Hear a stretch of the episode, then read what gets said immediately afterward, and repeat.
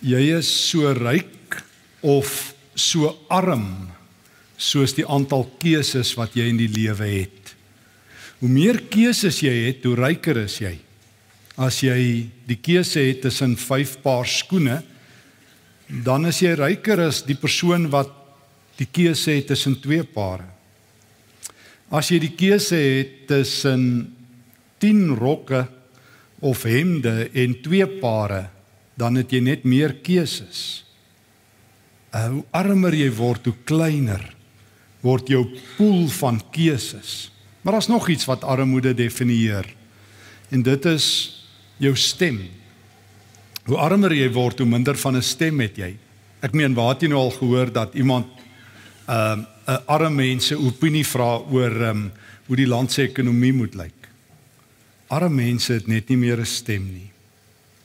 Maar die Here wil hê dat gelowiges 'n stem word vir sulke mense. Jy kry dit reg deur die Bybel dat die Here sê dat dat jy die stem moet wees vir die stemloses en nêrens in die Bybel word dit vir my mooier en duideliker as wanneer Petrus die stem word vir die armes nie. In een van die besbewaarde geheime van die Bybel wat min mense van weet, maar waaroor daar hoofstukke geskryf word. Um is dit 'n hele beweging wat begin word deur een vraag van Petrus. Um waar hy vir Paulus die woorde vra: "Moet ons asseblief nie vergeet nie." Galasiërs 2 vers 10. Kom ons lees dit. Dan gaan ons so 'n oombliekie agter die skerms in sodat hierdie besbewaarde geheim nie meer na vanoggend 'n geheim sal wees nie. Ehm um, Galasiërs 2 vers 10. Al wat hulle gevra het, Paulus verwys nou hier na Petrus. Uh, wat gebeur het? Hy en Petrus, Johannes en Jakobus het in die jaar 48 na Christus in Jerusalem bymekaar gekom. Al die leiers, die groot leiers wat die Here opgerig het, en hulle het gepraat oor hoe die evangelie in die wêreld moet ingaan. En heel laaste, as die gesprek verby is, kom hierdie woorde. Al wat hulle van ons gevra het, is dat ons nie die armes onder hulle moet vergeet nie. Ek het my dan ook steeds vir hierdie liefdesdiens beywer. Kom ek verduidelik. En ek wil nou begin by Handelinge 11 vers 27 en ek wil 4 jaar teruggaan. Rondom die jaar 44 na Christus is daar 'n geweldige droogte reg oor die wêreld. In daai stadium het daar 'n tweede gemeente tot stand gekom. Die die Jerusalem gemeente, dan toe die vervolging plaasvind, toe Stefanus vermoor is, het 'n klomp Christene geskuif na Antiochië toe en daar het 'n baie groot kerk tot stand gekom, die eerste buitelandse gemeente. En dan lees ek net hierdie stukkie vir jou Handelinge 11 vers 27. In daardie tyd het daar profete van Jerusalem af na Antiochië toe gekom, na daai nuwe gemeente. Een van hulle met die naam Agabus is deur die Heilige Gees gelei om te voorspel dat 'n groot hongersnood die hele wêreld sou tref. Dit het dan ook in die tyd van keiser Claudius gebeur. So ons weet baie mooi, ons kan dit dateer tussen die jaar 41 en 44. Die gelowiges het toe besluit dat elkeen na sy vermoë sou bydra tot 'n hulpfonds wat hulle vermeerde gelowiges wat in Judea, dis daar waar Jerusalem is, woon, dat dit gestuur sou word. Hulle het dit gedoen en die geld met Barnabas en Paulus aan die ouderlinge in Jerusalem gebring. 4 jaar van tevore het Paulus en en Barnabas se harte gebreek vir die arm Christene in Jerusalem. En en en hulle het nie gedoen wat baie van ons maar net eintlik doen sê, "Haai ek dink aan julle nie." Hulle het hulle voete gevat en gestap honderde kilometer en kos en geld gebring. Hulle het van die buiteland af kom help in Jerusalem. Nou is dit 4 jaar later, Galasiërs 2. En nou kom die groot leier van Jerusalem, Petrus. En hy sê Paulus, asseblief, dit gaan sleg in Jerusalem. Ons mense is uit. Hulle het nie kos nie, hulle het nie geld nie, hulle kan nie meer lewe nie. Hierdie groot gemeente van die Here sal tot niet gaan. Was dit nie vir die een vraag nie? Het dit gebeur? En en Petrus het iets van Paulus geweet. Hy het geweet Paulus het 'n buitelandse bediening. Uh, in vandag se taal, Paulus is internasionaal en Petrus hulle was 'n bietjie meer plaaslik op daai stadium. En toe sê hy asseblief Paulus, jy moet nooit ophou om aan die armes te dink nie. En toe en dis die geheim wat baie min mense weet. Toe begin Paulus 'n kollekte. Ons weet hoe hy kerke geplant het, ons weet hoe hy die evangelie uitgedra het met sendingreise, maar vanaf die jaar 48 hier in Galasiërs 2 Tot en met die jaar 56 as hy in Jerusalem aankom, het Paulus in al die gemeentes wat hy geplant het, het hy vir hulle 'n paar dinge geleer. Jy moet Christus as die Here ken en hy het hulle geleer van die Heilige Gees, van die ewige lewe en dan het hy hulle geleer wat is die wese van die Christelike lewe. Dit is een van vrygewigheid. En toe vertel hy hulle van die kerk in Jerusalem. Nou moet jy onthou in die eerste eeu, toe Paulus hulle gelewe het, mense mense se wêreld was min of meer net die stad waar hulle bly. Hulle het nie eers 'n idee gehad hoe lyk die wêreld nie. Dan sê Paulus vir hulle Jerusalem, dan sê hulle jy kon net sowel Mars gesê het, ons weet nie waar dit is nie. En dan verduidelik hy vir hulle maar dis daar in 'n klein provinsie Judea en daar die Here Jesus gesterwe en daar's daai kerk. En ouens, hulle is ons broers en susters. Ons moet hulle help. Want die Here se familie is die wêreld vol. Nou, net so 'n bietjie vinnig na vandag toe, dan terug na die kollekte toe wat Paulus dan gaan insamel het. Ons sien ook vandag dat Suid-Afrikaners die wêreld vol bly, nie waar nie. Ek is oortuig julle almal het familie en vriende in die buiteland wat geëmigreer het. En ek sien elke keer ek moet redelik baie omdat ek by 'n oorseese universiteit werk en dikwels daar moet goeders doen. Uh sien ek buitelandse Suid-Afrikaners. En net nou die dag was ek in Australië en toe het ek presies die reaksies gekry wat ek elke keer in Suid-Afrika en in die buiteland kry. Ek onthou toe iemand vir my vra hoe gaan dit in Suid-Afrika? Toe sê die ou: "Ag, sterkte vrouens, hulle moes hulle moes pad gegee het en hulle het nie." So sterkte vir hulle, dis hulle keuse. En iemand anders kom en hy sê vir my: Hoe kan ek help? En ek kry dieselfde reaksie in Suid-Afrika. Party ouens sê ag man, daai ouens het pad gegee, hulle het niks oor Suid-Afrika te sê nie. En die ander ouens sê kom ons hou 'n band met die ouens in die buiteland. Weet julle wat? Altwee is verkeerd. Daar's nie eers so 'n gesprek nie, want ek weet een ding van God. Ek weet God is internasionaal. Nie hy's die heelal vol, maar God is in my taal globaal, hy's glokaal. Hy's globaal en hy's lokaal. En die Here wil sy familie in al daai kamers hê. God het baie kamers oor die aarde. En nou het Jerusalem is 'n plaaslike kamer en hulle gaan onder. En Paulus werk 'n bietjie in ander kamers van die Here. En nou vra Petrus, Paulus, asseblief onthou die armes, anders is dit klaar met ons. En Paulus sê ek sal. En dan begin Paulus die evangelie verkondig. Hy stap in elke stad waar hy kom preek hy, hy hy gaan na die Galasiërs toe, as jy die Galasiërbrief lees. Hy gaan na die Macedoniërs toe. Ons gaan nou van hulle lees in 2 Korintiërs 8. Dis die gemeente in Filippi, die gemeente in Tessalonika. Dan vertel hy vir hulle ouens, die Here se kerk in Jerusalem ons moet hulle help. As jy hulle wys dit, dan vertel Paulus, dan sê hulle hulle is ons broers, ons gaan hulle help.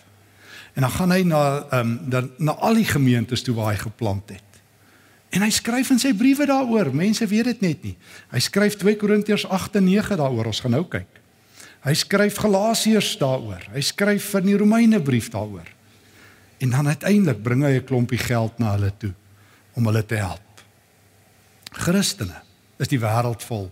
Mense van Suid-Afrika staan die wêreld vol. Ek dink die Here het 'n plan. Nee, ek dink nie, ek weet hy het. Maar ek dink hy hy as ek nou so kyk, Dan lyk dit vir my die Here het nou op 'n stadium besluit hier's nou genoeg Christene in Suid-Afrika. Al wat hulle nou doen, hulle beklei met mekaar. Hulle kyk wie se soutmyn is nou die hoogste en wie se lig skyn nou die helderste. En kyk hoeveel gloeilampe hulle op een hoop kan hê. Dis nie eintlik die doel nie. Waar moet lig skyn? In die donker en waar moet sout wees? Ja, nie op 'n soutmyn hoop nie. So ek sien Christene nou die wêreld vol. Maar anderster, dit is maar altyd verstommend die Jode kry dit reg om vir mekaar te sorg. Beklei Afrikaners nou al met mekaar binnelands en buitelands.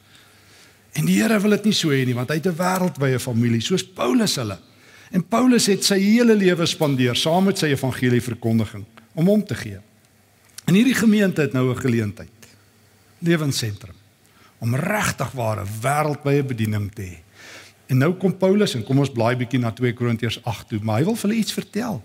En dis 'n verrassing. Vriende, Paulus wil nie in die eerste plek vir mense net kry om geld te gee nie. Hy wil vir hulle iets leer van hoe lyk die Christelike lewe? Hoe lyk dit as jy Jesus volg? En dit bring my by daai groot punt nommer 2. Gee om vir die Here se kinders. Doen dit reg oor die aarde, maar doen dit op die 2 Korintiërs 8 en 9 manier.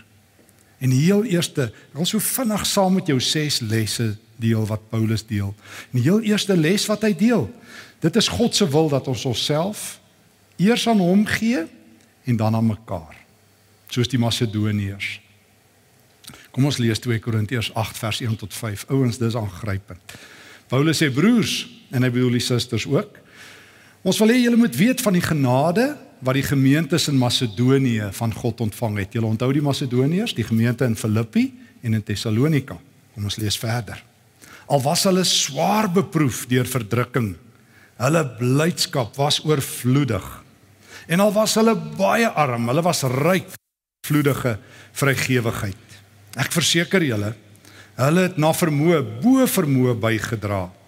Uit eie beweging het hulle by ons daarop aangedring om te mag deel in die liefdeswerk van hulpverlening aan die gelowiges in Judea. Dit was meer as wat ons verwag het, want eers het hulle hulle self aan die Here gegee en toe aan ons. Dit is die wil van God. Hoor vers 5. Hulle het hulle self eers aan die Here gegee. Weet jy wat? Dis die Christelike lewe. Die Here soek nie jou geld nie. Hy soek nie jou huis nie. Hy soek nie jou tyd nie. Hy soek nie jou plaas nie. Hy soek jou lewe. Ek ek ek ek luister nou die dag of een van die een van my vriende Rudolf Botha skryf nou die dag op, op een van ons e-kerk platform skryf hy hierdie verhaal van hy verstaan nie. Almal is kwaad vir die politici wat sê ek wil jou plaas hê, maar niemand is kwaad vir Jesus nie. Jesus wil nie net jou plaas hê, hy wil jou lewe hê. Maar niemand is kwaad vir Jesus nie. Hy vra baie meer. Hy sê jou geld, jou plaas, nee nee, ek soek jou lewe. En net nou die dag sê 'n ou vir my, hier in Suid-Afrika gaan ons nog alles verloor. Ek sê maar, het jy nie al nie? Hy sê nee, ek is al bietjie beroof en ek is al bietjie gehijack en ek sal Ek sê nee nee, uh, maar ek het al alles verloor. Hy sê, "Hy sies tog en is jy nou weer op jou voete?" Ek sê, "Jy verstaan nie wat ek vir jou sê nie." Ek het alles verloor. Ek het my lewe verloor. Hoe kyk hy my so? Ek sê maar eh, het jy nog nooit in jou lewe Markus 8 gelees nie? Vra ek vir hom. Het jy nog nooit gehoor dat Jesus sê jy gaan jou lewe verloor, verloor dit nou terwyl jou oë oop is? Want jy gaan waaragtig jou lewe verloor. Nog iets erger, jy gaan jou siel verloor. So ek sê vir jou verloor jou lewe vir my, dan kan jy niks meer verloor nie. So ek het klaar alles verloor. Of ek glo hierdie evangelie Of ek sê dis 'n dis 'n sprokie. Maar as ek hierdie evangelie glo, dan glo ek alles. Nie net die deeltjie wat my pas nie. Dan glo ek Jesus met my hele lewe. So ek het my lewe klaar verloor. Ek is Jesus se. Hy's die Here. Hy besluit. Ek volg die Here nie net wanneer dit my pas nie. Wanneer dit vir my gerieflik is nie. Ek maak nie die planne en dan seën hy dit nie. En daarom sê Paulus, dis die geheim van die Christelike lewe. Hy sê weet jy wat?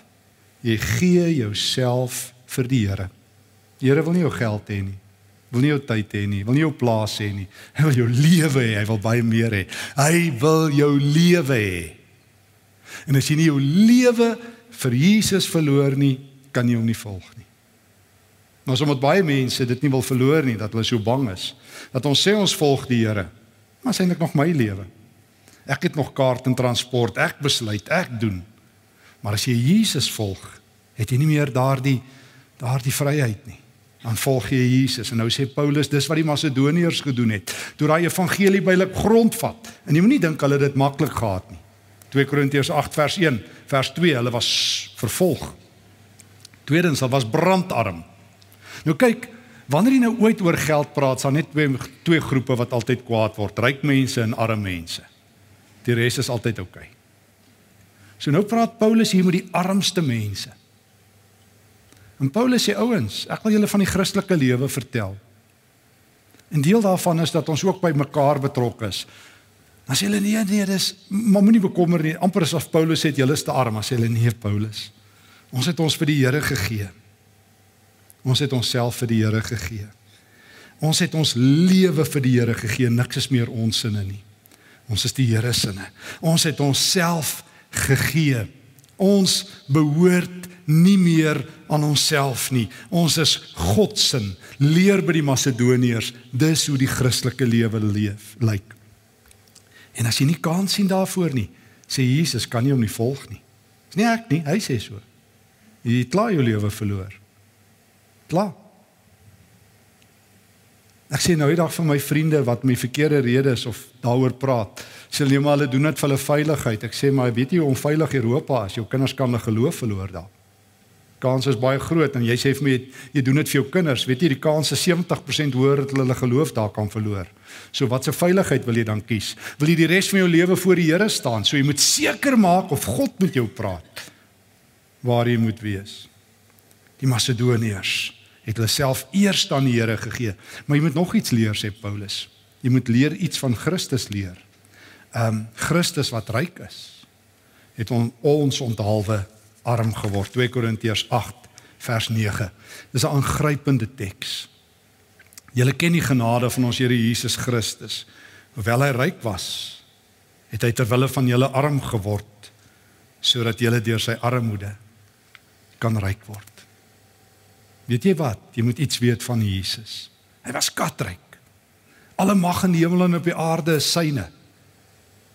En toe het hy arm geword ter wille van julle. As jy bietjie na Jesus kyk, ek meen hy het alle hemelse heerlikheid gehad. Die engele biljoene het voor hom gebuig. Hy was in die heelal se beheersentrum, omring deur die magtige aardsengele. En toe kom hy en hy gee sy lewe vrywillig.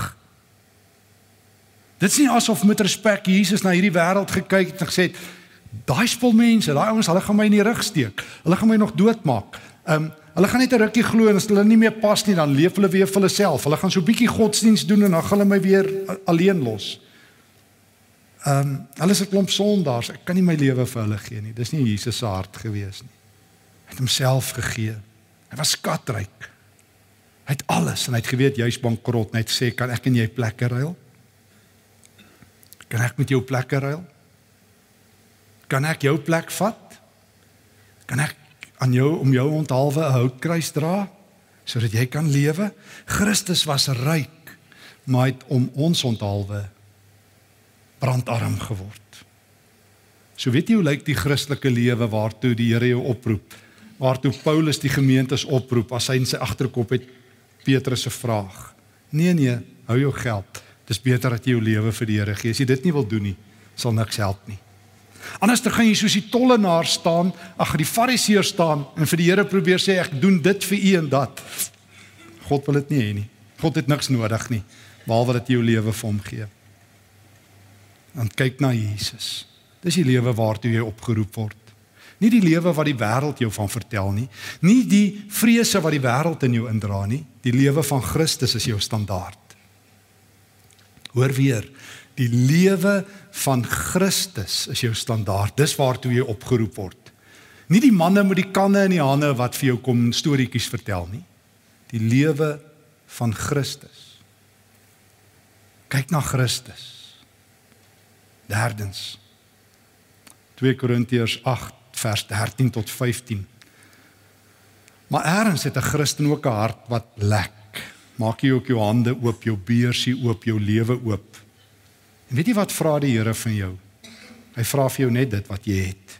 Paulus sê 2 Korintiërs 8 vers 13. Ek bedoel nie dat jy gebrek moet ly om ander te kan help nie, maar sodat daar ewewig kan wees met julle wat nou oorvloed het, die help wat gebrek ly, dan as hulle weer oorvloed het en julle gebrek ly, dan kan julle hulle weer help. So kom daar ewewig. Daar staan ook geskrywe, die moet baie het nie te veel gehad nie en die moet 'n bietjie nie te min nie. O Christene help mekaar. As jy sien 'n medebroer en suster kry swaar, dan sê jy nie dis hulle keuse nie. Hulle wou mos, hulle wou mos nie luister nie. Nee nee. Jy help maar uit wat jy het. As jy 'n paar sente het, dan het jy iets om mee te help. Maar jy help uit wat jy het. Die Here vra nie van jou wat jy nie het nie. Hy vra van jou net daai bietjie. Daai daai klein bietjie meel wat jy het in daai maatemmertjie van jou. Daai paar sente wat jy het, daai klein stukkie hart van omgee wat jy het. Kom help net uit wat jy het. Dis die Here se roeping. En dan hoofstuk 9 vat Paulus ons na 'n ander beginsel toe. Vat hy ons um na die saai en oes beginsel want jy's nou op die Here se saailande. Ek weet nie of jy al gehoor het nie, maar hier in die wêreld is daar 'n ding wat die ouens noem inflasie. Jy neem vir jou 'n polis uit en die dag se uitbetaal, dan sê die ou vir jou o tyd meneer, hy toe nou nie gegroei jou belegging soos wat dit moes nie. Die inflasie het dit gevat. Julle ken dit. Of daar so 'n ander ding wat ons of dinge wat ons baie in Suid-Afrika het. Mense noem dit diewe en boewens en rowers. Hulle kom vat jou geld. Hulle beroof jou. En dan is daar nog so 'n ding, mense noem dit motte. Jy al gesien as jy jou klere wegpak in die winter en jy haal dit uit en daar's so 'n gat dat die motte daar ingetrek. So in hierdie lewe is daar diewe en motte en hier's roes en hier's verweer. En hier is jy nooit veilig as jy jou lewe op aardse besittings bou nie. Ek dink Jesus, nee, hy het dit ook gesê, onthou jy in die bergrede.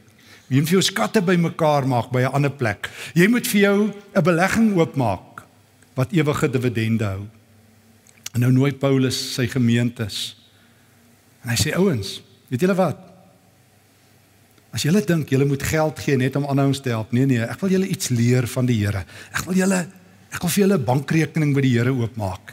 Ek wil julle op die Here se saailande sit. Weet julle wat is die Here se se opbrengs? Onthou jy?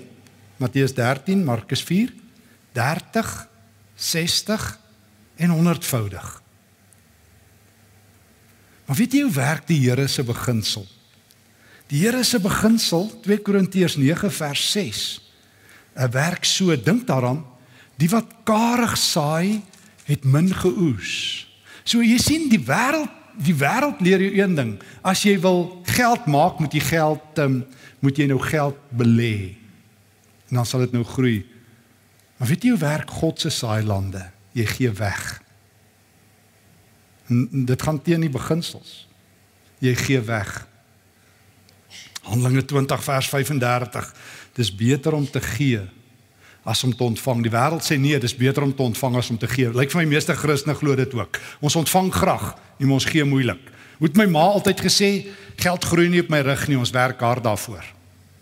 En en ek onthou my skool daar het die diaken nog daar by ons huis kom geld haal elke maand.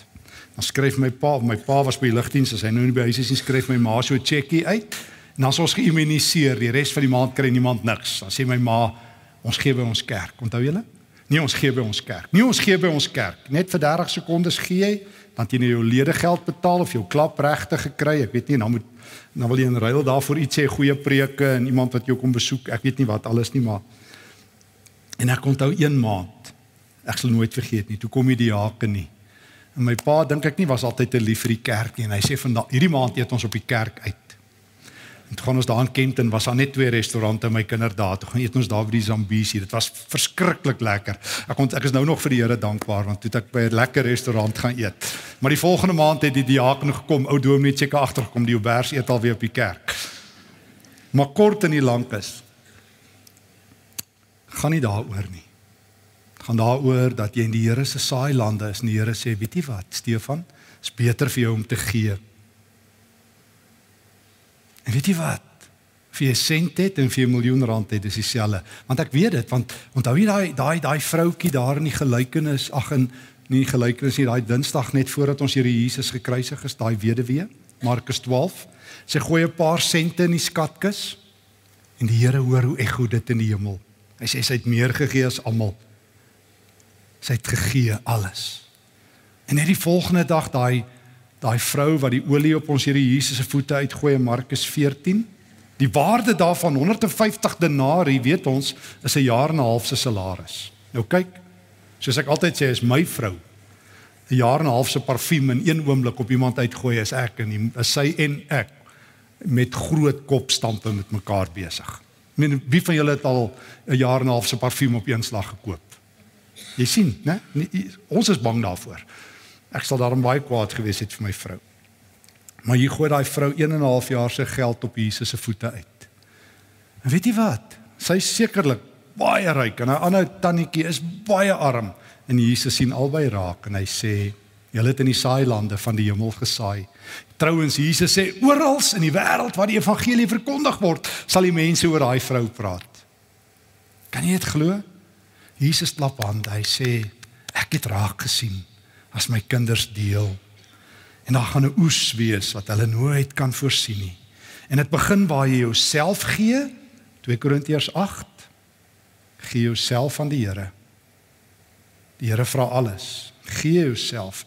Tweedens, kyk na Jesus. Hy het alles gegee. Derdens, maar moenie dink God pars jou uit en hy gee wat jy het. Maar leer ook dat jy op die saailande van die Here is. Ook 'n 'n 'n vyfde beginsel, gee met 'n dankbare hart. 2 Korintiërs 9 vers 7. Elkeen moet gee soos hy met sy hart voorgenem het, nie met teensin of uit dwang nie, want God het 'n blymoedige gewer lief. O die Here hou daarvan dat jou hart eerste kom. Dat jou hart eerste kom. Dat jou hart sag genoeg is om om te breek oor hierdie wêreld. Dat jy altyd iets het om te deel in hierdie wêreld. Iemand sê nou die dag vir my, nou wat wil hulle nou nog van hom hê? Hy het niks om te gee nie. Maar weet jy, jy het altyd iets om te gee. Jy het altyd iets om te gee. Jesus sê in Matteus 10 as jy vir iemand 'n bekertjie koue water gee, sal God dit onthou. Kan jy vir iemand 'n beker koue water gee? Kan jy vir iemand 'n ou bekertjie water gee? Ja. Ek bedoel, is dit dan nie aangrypend nie? Nou eendag stop ek by 'n verkeerslig en daar's so 'n ouetjie en hy hy hy sê vir my, sy klop sy in my vinger. Hy sê, "Ek het nou twee sweets ekstra gekry, wil jy ook een hê?" Jy kan tot as jy bedelaar is vir iemand 'n sweet gee wat in 'n kar sit. Net nogal gedink is oulik. Ek nogal die Here Jesus se genade gesien. Dit was my humoristies baie snaaks dat hierdie ou een lekker goedjie het en hy's mooi toegedraai en hy wil hom nou deel. Jy sien jy kan selfs as jy 'n bedelaar is iets gee. Dan nie nou die dag by een van die projekte waar ons e kerk is. Brand brandarm ons geld vir jare daar by die een ouer huis. Toe daar klein seun gekom en hy het ekstra skof gewerk en hy bring vir sy ouma R200. Nou ek bedoel sy het nie eens R10 oor 'n maand nie. En sy sê hier's R100 wat sy vir die Here wil gee. En een ouetjie van ons ekerk sê tannie hou dit. Sy sê nee nee nee. Dis die Here se geld. Is dit nie mooi nie? As jy jou as jy as jy as jy gee, jy het altyd, maar die hart moet saam met dit klop. God hou van mense wat bly is al het hulle niks nie. Daar's genoeg lang gesigte in hierdie wêreld. Genoeg ouens wat met dik lippe deur die wêreld gaan. Daar's genoeg genoeg Christene wat ongelukkig is. God het mense lief wat met vreugde gee in sy saailande en die laaste beginsel wat Paulus deel. God is die groot voorsiener. Hy self geen oorvloed, maar hy wil hê jy moet in sy oorvloed leef. Paulus vertel in 2 Korintiërs Hy sê vers 12, hy sê as julle nou betrokke raak by daai gemeente in Jerusalem, dan bring dit 'n oorvloedige dankbaarheid. En dit sal 'n bewys wees van julle geloof. Kyk, kyk, weet jy wat sê Paulus? Hy sê ouens op hierdie stadium, nou sê weer terug by daai kollekte. Daai mense in Jerusalem het nie kos nie. As jy hulle vir hulle help, gaan hulle hande klap en hulle gaan eet. En weet jy wat gaan hulle doen? Hulle gaan bid. Nou Kom ons sê dit eerlik vir mekaar. Ons sê dit baie maklik. Jy ek hoor elke tweede dit kom net dit dit loop soos reën. Jy weet ek sal vir jou bid. Dan bedoel ons dit nie eintlik nie. Maar in die vroeë kerk as as as ouens gesê het hulle sal vir jou bid. As daai manne en vroue in Jerusalem op hulle knieë gaan, hulle het niks. Maar hulle sal vir julle bid. En hulle gaan met die Here praat. En hulle gaan vir die Here dankie sê, die oes het ingekom. Here, toe toe ons nie kos gehad het nie, het U tot ons redding verskyn. En Here, wees met daai ander broers en susters en daar gaan 'n wêreldwye ego kom hier op aarde van hierdie broers wat daai susters help en daai mense wat vir hierdie mense bid. En so lyk die Here se kerk. Die Here stuur Suid-Afrikaners en Afrikaanssprekendes die wêreld vol Party mense vlug sommer net en ander ouens bly sommer net met 'n dik lip agter. Jy moet seker maak wat jou reis en verblyfdokumente. Jy eh, party mense kry verblyfsreg, dan moet jy bly en ander ouens kry reisreg by die Here. Maar jy moet jou paspoort by die Here leef, lees. Anders dan gaan jy altyd ongelukkig wees of jy hier is of daar of deur. Want soos ek altyd sê, geluk begin in jou hart. Geluk is nie 'n plek nie, geluk is waar die Here in jou lewe is, waar jy jouself vir hom gee waar jy jouself vir ander mense gee en God het sulke mense lief. En as jy jou reis en verblyf dokumente gelees het, dan help jy. Maar ons kan nie as Afrikaners net in hierdie klein wêreldjie wees nie. Ek het 'n droom en ek sien deel van daai droom dat God besig is om Afrikaners op te rig om in die wêreld 'n verskil te maak. en in Suid-Afrika. Ek sien dit as ek so in die wêreld ry.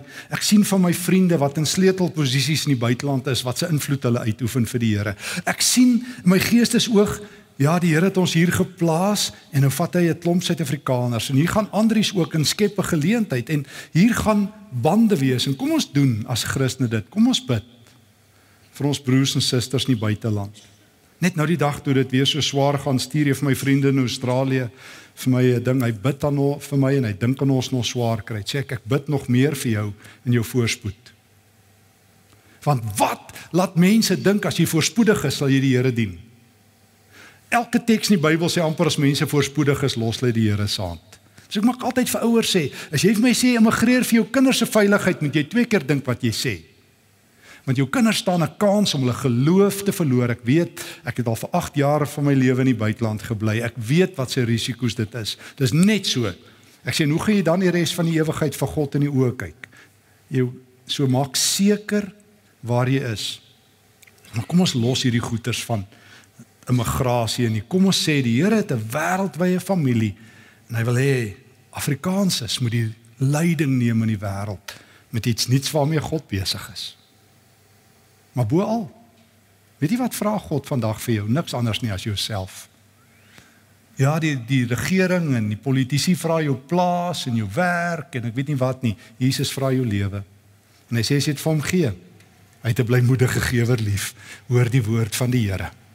Amen. Here, dankie vir die woord. Dankie dat u woord helder en duidelik is. Dankie dat u woord nie 'n ompaaie loop nie, maar pad langs kom. Dankie dat u mense liefhet, veral mense wat gee hulle self. Leer ons om soos die Macedoniërs onsself te gee aan u. Leer ons Here om niks terug te hou nie. Here, dankie dat die Afrikaanse mense en Afrikaners en Suid-Afrikaners die wêreld vol stuur. Dankie dat U besig is met 'n wêreldwye nuwe beweging. Ons bid daarvoor, Here. Ons bid dat U koninkryk kom en dankie dat U besig is om dit te laat gebeur onder ons neuse. Gee dat ons dit sal raak sien. Dankie dat U een vraag van Petrus gebruik het om Paulus 'n nuwe visie te gee. Here, dankie dat U in hierdie dae ook vir hierdie gemeenskap van gelowiges hier by Lewensentrum 'n nuwe visie gee. Dra ons almal Here in die volgende tyd. Geef vir ons wysheid en insig vir Andries, vir elkeen hier, so vir elke leier, vir die vir die leiers aan hierdie gemeente. Gee visie. Mag gee Here dat ons sal bydra om 'n nuwe stem in die wêreld te wees, 'n nuwe kollekte te hê, 'n nuwe roeping te hê dat die koninkryk wêreldwyd mag kom in die naam van Jesus. Amen.